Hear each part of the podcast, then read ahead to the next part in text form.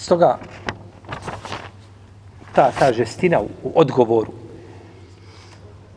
ona, ona, ona nikada neće, čovjek ako želiš ukazati mu da griješi, onda ona moraš kazati to na lijep način, argumentirano, edebom i etikom islama.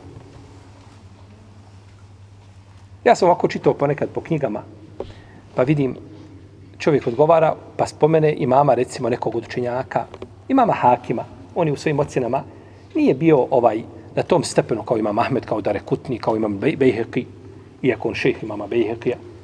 On je bio ovaj, eh, u ocjenama, njegove ocjene nisu na tom stepenu, ne prihvataju učenjaci kao što su ocjene tih velikih imama Ibn Ma'ina, ne znam, Ali Al-Medinija i tako dalje. I jedan odgovara njima i kaže, i kakva je ovo katastrofalna greška od imama Hakima. Allah te nagradio, ne govori se tako. Ne govori se tako. Pa sam slušao jednog drugog muhadisa savremenog, kaže, rekao imam hakim, hadis je ispravno po uslovima Buhari i muslima. Kaže, a ja kažem u njegovom lancu ima taj i taj, za njega je rekao taj i taj da lažo. I ode dalje. Ništo ne spominje više. Kakve katastrofalne greške, kakve kobne greške, kakve ovaj...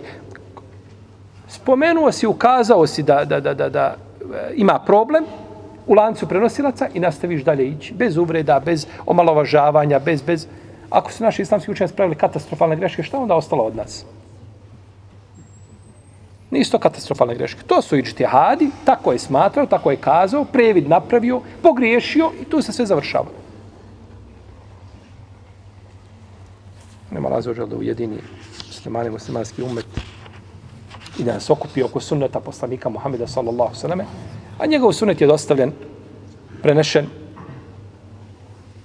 i to je ono što uzvišenje Allah traži od nas. Jesi.